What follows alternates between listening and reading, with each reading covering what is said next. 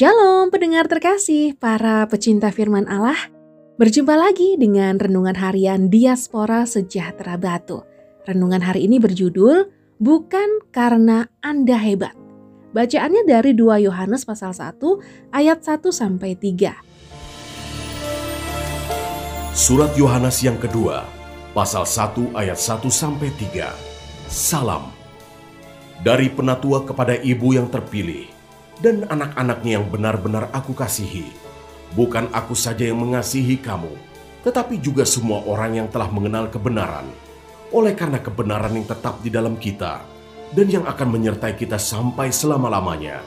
Kasih karunia, rahmat dan damai sejahtera dari Allah Bapa dan dari Yesus Kristus, anak Bapa, akan menyertai kita dalam kebenaran dan kasih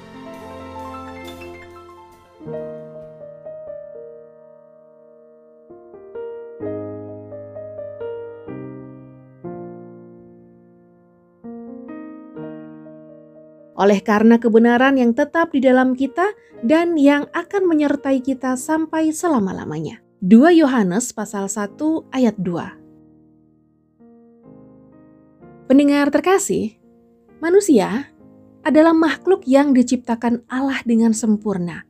Dan setiap manusia memiliki kasih serta kelebihan yang berbeda-beda.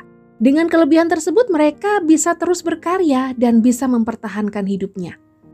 Manusia juga makhluk yang tidak bisa hidup tanpa kasih, baik kasih dari Allah maupun sesama manusia. Oleh karena kasih tidak bisa dijauhkan dari diri manusia, maka mengasihi sesama adalah hukum yang Allah berikan secara universal. Sebagai orang-orang yang sudah mengenal kebenaran, maka kasih kita dengan mereka yang belum mengenal kebenaran harus berbeda. Perbedaan tersebut terletak pada motivasi kita dalam mengasihi. Pendengar yang terkasih, kita bisa mengasihi karena Allah telah meneladankan lebih dulu kasih yang sempurna melalui karya salib.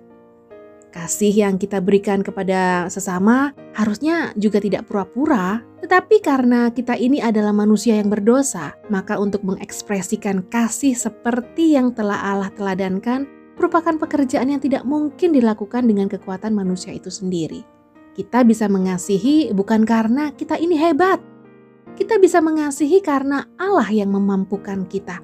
Dengan demikian, selama kita hidup dalam kebenaran dan mengizinkan Allah bekerja dalam diri ini, maka kasih yang tulus bisa kita berikan kepada sesama dalam hidup kita sehari-hari.